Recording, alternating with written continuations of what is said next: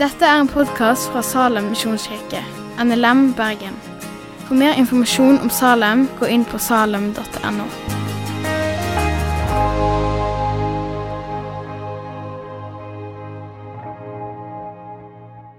Og Vi er jo i en taleserie om Jakob. Vi skal fortsette den, kapittel 2. Det ble jo sagt litt sånn intro om meg. Jeg vet ikke om jeg gidder å legge til så mye. Jeg kan jo si at jeg er gift med Åshild, eh, og det er veldig veldig fint. Så er det sagt herifra. Eh, og så er det morsdag i dag, så gratulerer til dere som er mødre.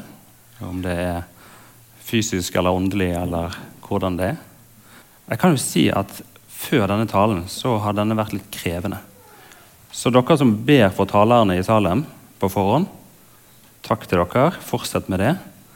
Det er ikke alltid like lett å få forberedt seg. Og Det gjør også at denne gangen her så må dere følge nøye med. For jeg har ikke fått noen til å lese gjennom og sjekke det som står her.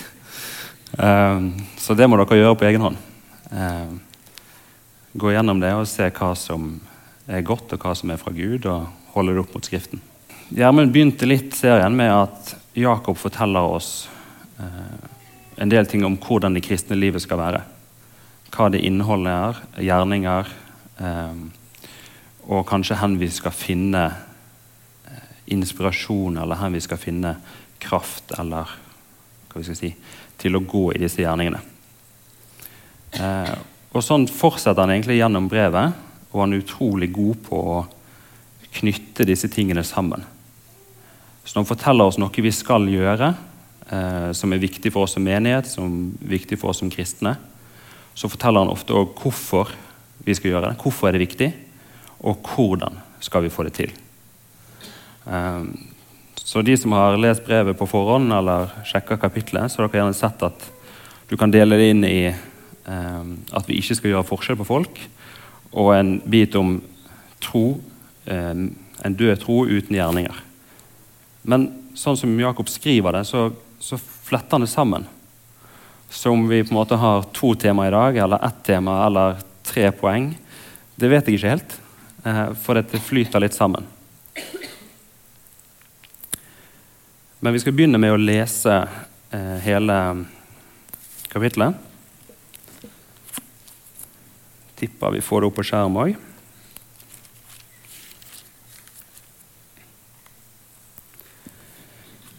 Mine brødre, dere som tror på vår Herre Jesus Kristus, Herlighetens Herre, må ikke samtidig gjøre forskjell på folk.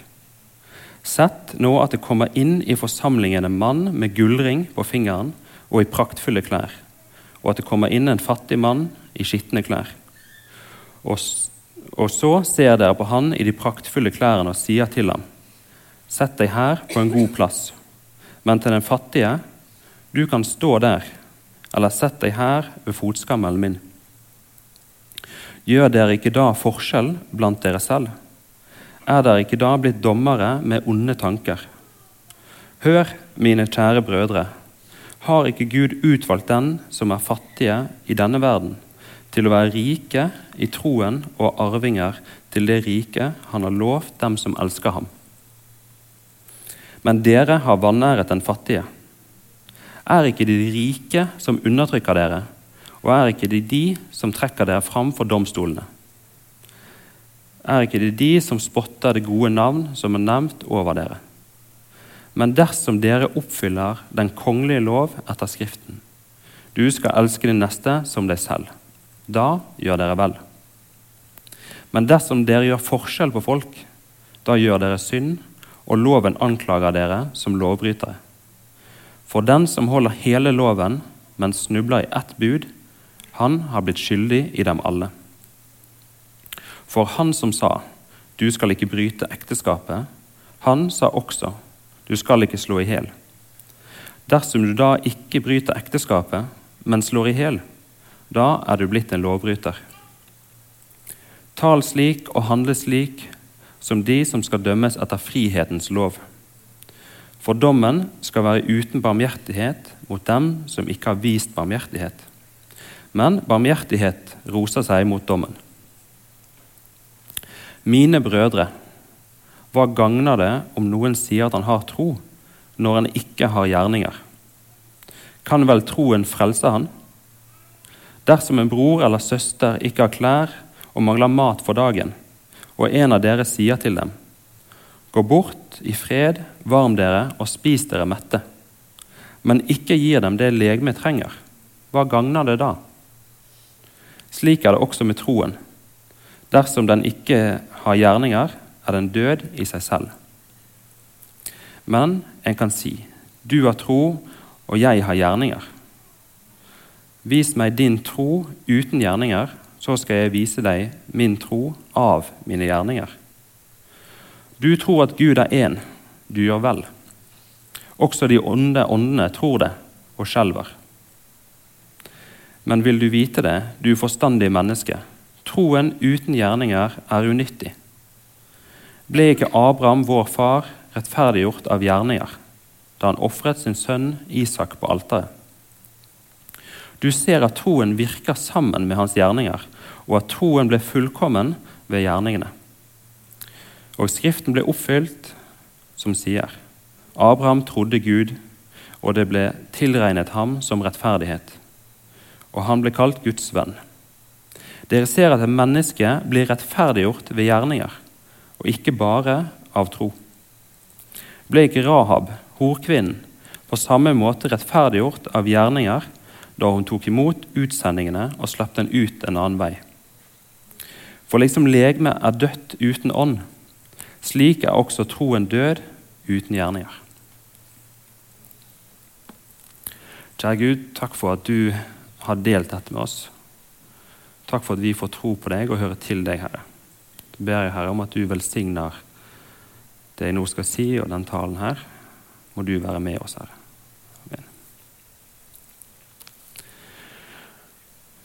Første delen av teksten er veldig konkret. Det handler om at vi ikke skal gjøre forskjell på folk. Eksemplene han bruker, er rik og fattig. Eh, jeg tror at i vår kontekst så er ikke det kanskje den største forskjellen vi ser. Men jeg tror han tar det opp det som eksempel fordi det handler om eh, hvordan de rike hadde en posisjon og en makt i verden. Som han nevner, Det er de rike som kunne stevne inn foran domstolene. Det var de som hadde makt i verden. Og så peker han på at det er en annen ordning i Guds rike. Eh, men jeg tror hovedpoenget er dette her. Ikke gjør forskjell på folk. Og han sier at hvis vi gjør forskjell, så er vi dommere med onde tanker.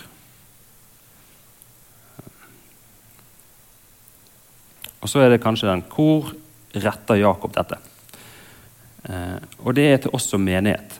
Så den teksten her vi leser, det handler om vi som går i Salem, vi som en del av Salem, vi som regner oss som menigheten her. Eh, kanskje det, det, er lett å tenke at det er til alle kristne, og det er sant òg, men jeg tror dette avsnittet eller den delen her skal vi tenke som dette til oss. Hvordan er vi som menighet? Og stiller vi oss det spørsmålet gjør vi forskjell på folk, eller gjør vi ikke forskjell på folk.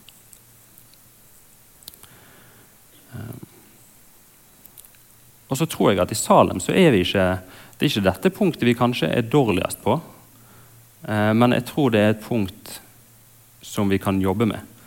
Ehm, og jeg tror det er et punkt som vi alltid skal være bevisst på. For det har så mange si, falsetter eller innfallsvinkler at Kanskje vi blir gode på én ting, og så glemmer vi noe annet. Og så tror jeg òg at det er sånn at verden endrer seg. Så de som kommer inn døren i Salem, hvis det kommer noen utenfra, eh, de er annerledes. Og hva de kommer med, endrer seg. Så hvordan møter vi de som kommer utenifra? Jeg har ikke helt fasiten på hva som er hva de største fallgruvene her i Salem. Eller hva det er som vi først og fremst eh, kanskje skiller på. Men jeg tror faktisk vi gjør det. Jeg tror det er noen personer vi tenker høyere om, og noen personer vi tenker lavere om. Nesten sånn instinktivt. Vi rangerer hverandre. Eh, hvis vi har tatt et tankeeksperiment At jeg sier at nå skal jeg plassere dere i grupper på fire og fire. Eh, og jeg hadde sittet i salen der, så hadde jeg i hvert fall tenkt jeg håper jeg kommer i lag med de. Og kanskje til og med tenkt jeg håper ikke jeg havner i lag med de. Eh, og da har jeg rangert og gjort forskjell på folk. Og så er det kanskje vi som menighet som må tenke gjennom hva er det vi skiller på. Er det fattig og rik? Eller er det kanskje andre ting som, som etternavn og status? De kommer derifra. De var med på det. Ja, Vi kjenner jo slekt og familie. Det er bra folk. Um, eller kanskje det, det, er bare sånn at ja, men dette er jo vennene mine. Det er jo de jeg liker å henge med. Dette er gjengen min. Uh, så jeg sitter med med de. Uh, det er de jeg ønsker velkommen. Uh, eller kanskje det er kultur. Hvordan vi går kledd, eller vi, hva ting vi er interessert i. Han er litt rar, for han liker sånne ting som det der. Det skjønner jeg ikke. Eh, og så er det litt sånn overraskende når man ser nedover gjengen her. For når man går en del år i lag, så, så, blir kulturen mer og mer lik. Og så kan man spørre seg, når vi blir mer og mer lik, er det fordi at vi får plass til alt? Eller er det noe som ikke får plass i den kulturen vi har i salen?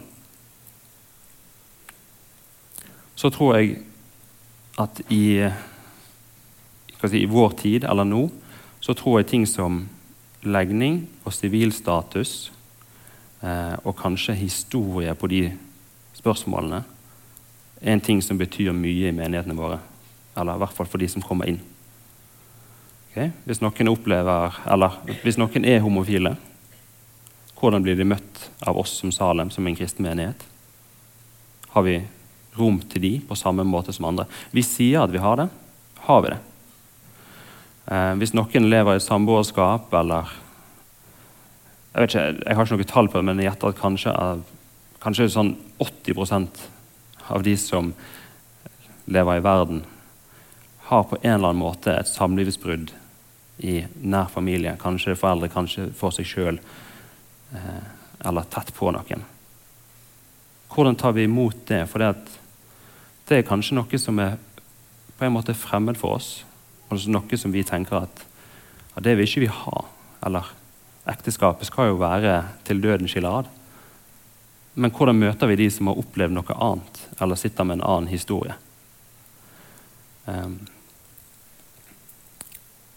og jeg, eh, som sagt, jeg vet ikke helt hvordan vi skal løse det, men jeg tror at det å tenke på det, og det å prøve å bevisstgjøre seg sjøl på hvordan ta imot den som kommer inn døren, som har forskjellige historier, forskjellig kultur, eh, som ikke er en av de jeg kjenner. Hvordan ta imot. Så sier den teksten òg noe hvem sitt ansvar det er. For hvem er det som kan si i en menighet at du kan sitte deg der eller her, eller du kan komme fram, eller du må sitte deg på bakerste rad? det er jo vi som er menigheten. Og kanskje det blir enda mer viktig for de som er aktive, som har en rolle, eller som bare har vært her lenge. Hvis du er en av de som kjenner alle i menigheten, eller nesten alle, og har nettverket ditt her og har gått her i 10-20-30 år, hele livet, så er det du som har kanskje mest ansvar for å ta inn nye, men det er òg du som har størst mulighet til å knytte mennesker i lag. For du vet gjerne at vet hva, du skulle møtt han. Dere har noe å snakke om. Dere kunne vært gode for hverandre. Og så er det dere som har mulighet til å lettest invitere inn eh, og skape et fellesskap der alle får rom. Jeg har lyst til å nevne en sånn konkret ting. og Det er en aldersgruppe som er kanskje mellom studentmøtet og søndagsmøte. Eh, litt fanga opp av eh, det møtet som er seinere i dag. Men vi ser at det er en del som har gjerne vært aktivt i studentarbeidet, Og så på en eller annen plass på veien inn i søndagsmøtet, så forsvinner de på en måte ut av kirken. Eh, kanskje er det jobb, kanskje er det andre fellesskap som trekker mer. For de føler seg ikke helt i lag med disse studentene. Det var jo noen år siden de var student sjøl, og de, det er ganske stor forskjell av og til på en 28-åring og en 18-åring. Uh, men hvem er det som kan gi de rom i menigheten? Det er ikke sånn at de skal måtte ta et rom eller skape sitt eget rom. Det er vi som menighet som må passe på at de får et rom, at de får noen relasjoner, at de blir inkludert. Ehm, så det var litt sånn konkret som jeg tror gjelder i hvert fall oss, ehm, men som man òg ser nesten verdensvidt.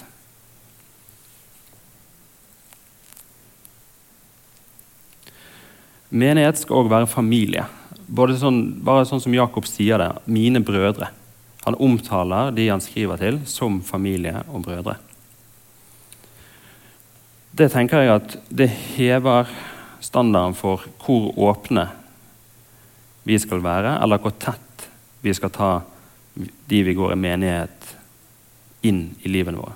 Vi skal være familie. Det er det Gud kaller oss, det er det vi er. Brødre og søstre. Og det skal gjelde fra lenger enn klokken 11 til kirkekaffen er ferdig. Så skal vi være familie. Ehm, og det krever litt av oss. Eh, så jeg har to konkrete utfordringer. Det er at Hvis du sitter her og så ser du noen her som du ikke har hilst på Jeg har en god del som jeg ser at jeg ikke har hilst på og ikke kan navnet på så bør jeg hilse på dem, for det er jo familien min. De bør jeg ha hilst på og være på nikk på. I hvert fall. Og så er det lov å hilse i dag, og så hilse igjen neste søndag fordi du husker ansiktet, men ikke navnet. Eh, og det kan du gjøre så mange ganger du vil.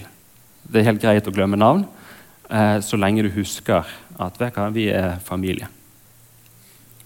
Og så tror jeg òg at vi skal plukke ut noen, kanskje, som ikke er familien vår fra før, men som vi behandler litt som familie.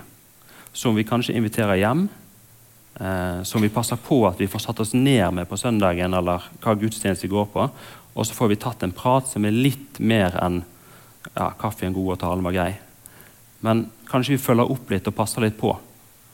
Som vi hva si, inkluderer litt i familien vår. Og jeg tror det er helt nødvendig hvis vi skal klare å være som en familie, og at vi skal klare å gjøre noe av det som Jesus sitter høyest.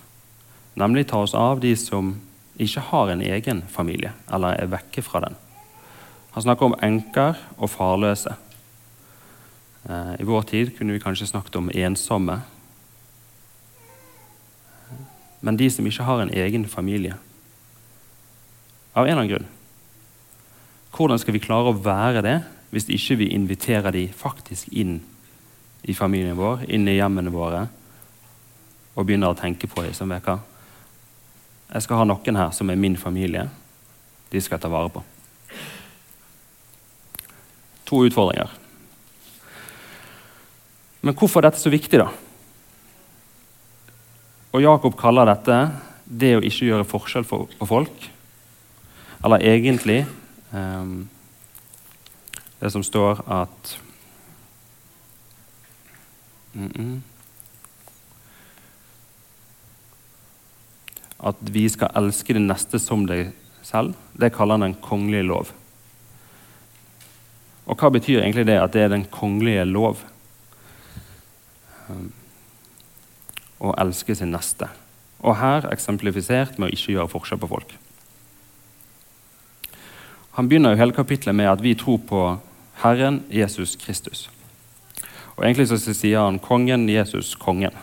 Eh, så det er veldig tydelig at dette er kongen sin lov, altså Jesus sin lov. Vi er veldig vant med at vi som hører til i Norge eller er norske statsborgere, eller bare bor i Norge, vi må følge den norske lov. Den norske lov er jo et teknisk sett et resultat av at vår kollektive forståelse av rett og galt har blitt tredd gjennom et eh, demokratisk system og en prosess.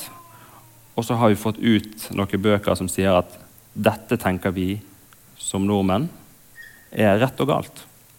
Og det forholder vi oss til. Kongens lov er òg litt på samme måte. Men der er det rett ifra Guds hjerte. Den lov som Gud har gitt oss, det er faktisk et uttrykk for hva Gud mener er godt. Det er et uttrykk for hans hjerte, det som er viktig for han. Så når han sier 'ikke gjør forskjell på folk', så er det fordi det er viktig for Jesus. Eh, og Hvis vi ser på Jesus, så ser vi at sånn levde han. Han gjorde ikke forskjell på folk. Og så sier han at sånn skal dere leve òg. Det er min lov.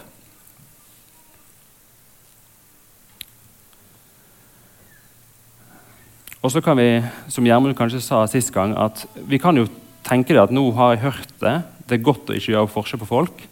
Nå husker jeg det. Nå gjemmer jeg det. Jeg skal ikke gjøre forskjell på folk. Men hvis jeg gjør da forskjell på folk, hjelper det da? Som i teksten står, altså hjelper det å si til noen at du må gå og være varm, og så har de verken klær eller hus? Hjelper ikke det? Eller bli mett, og så gir ikke dem mat? Så hvis vi sier at loven er god uten å utøve den, så mangler det noe. Og jeg tror i verste fall så blir det verre. Fordi kanskje ikke Hadde vi bare ikke sagt noe, så hadde kanskje det gått greit. Men hvis vi sier at Salem er åpen for alle, alle kan komme her, og så er ikke det det folk opplever når de kommer, så lyver jo vi.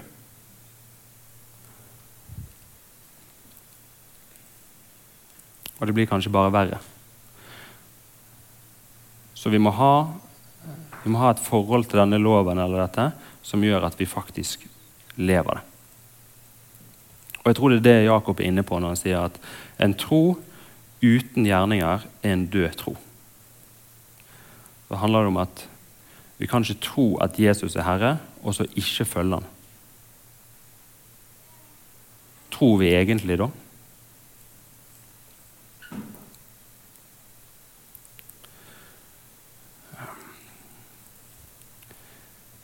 Og så vet jeg at noen tenker når vi snakker om at dette må vi gjøre, dette, dette skal vi Vi må følge den loven. Så er det noen som det stikker litt i. For det at ja, men ikke Hvordan er det med disse gjerningene igjen? Ikke, har ikke vi lært noe der? Det er, jo, det er jo kun av nåde. Det er kun Vi er jo frelst av nåde, det er ikke av gjerninger. Eh, og Paulus bruker jo faktisk akkurat samme eksempelet, Abraham. At han kan slå det opp. Det står i Romane 4.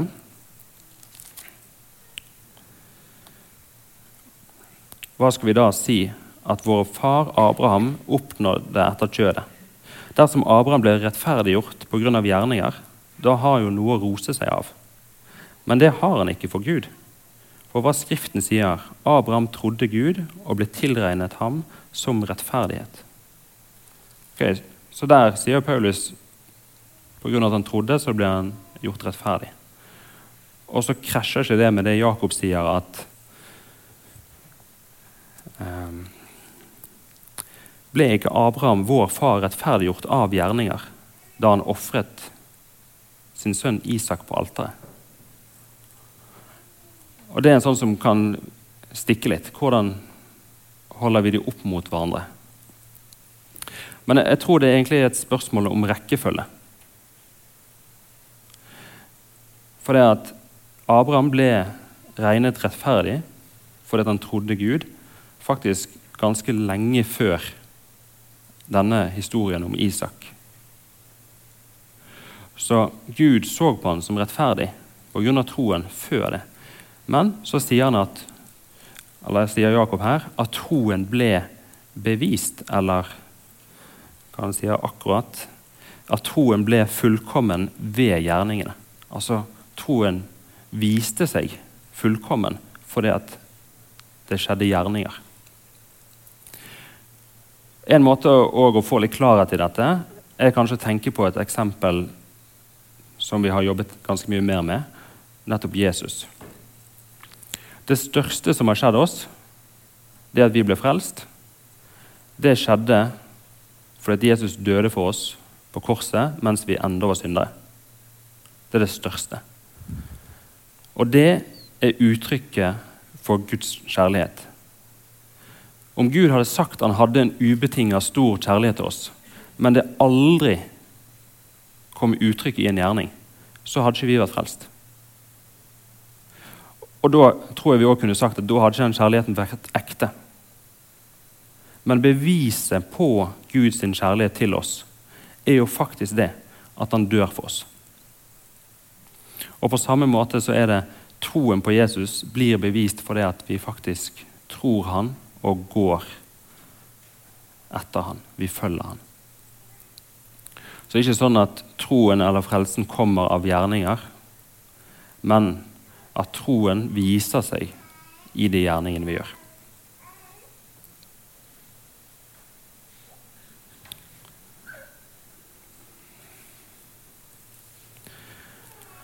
Og så er det siste, eh, siste biten her.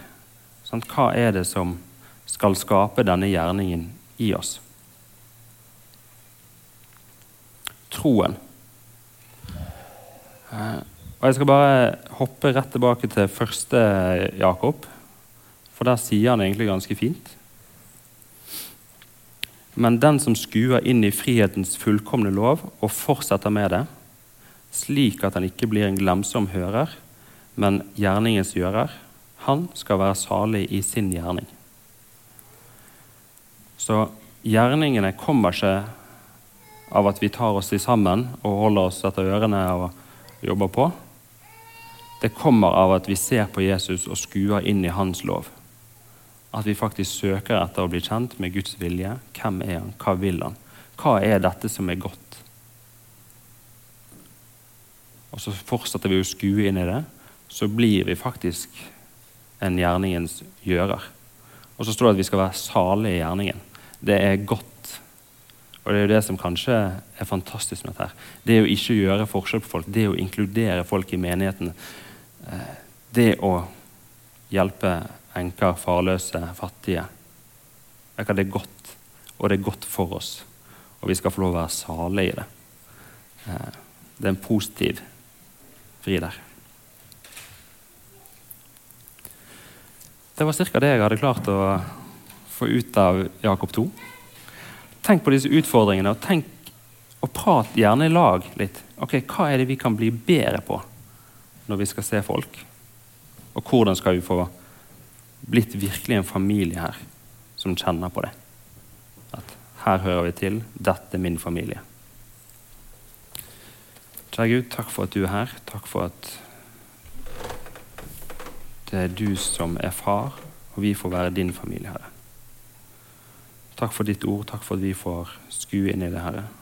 Ber om at du må fylle oss med din ånd og din kjærlighet, Herre. Hjelp oss å se mennesker sånn som du ser dem. Hjelp oss til å elske dem med din kjærlighet, Herre. I ditt navn. Amen.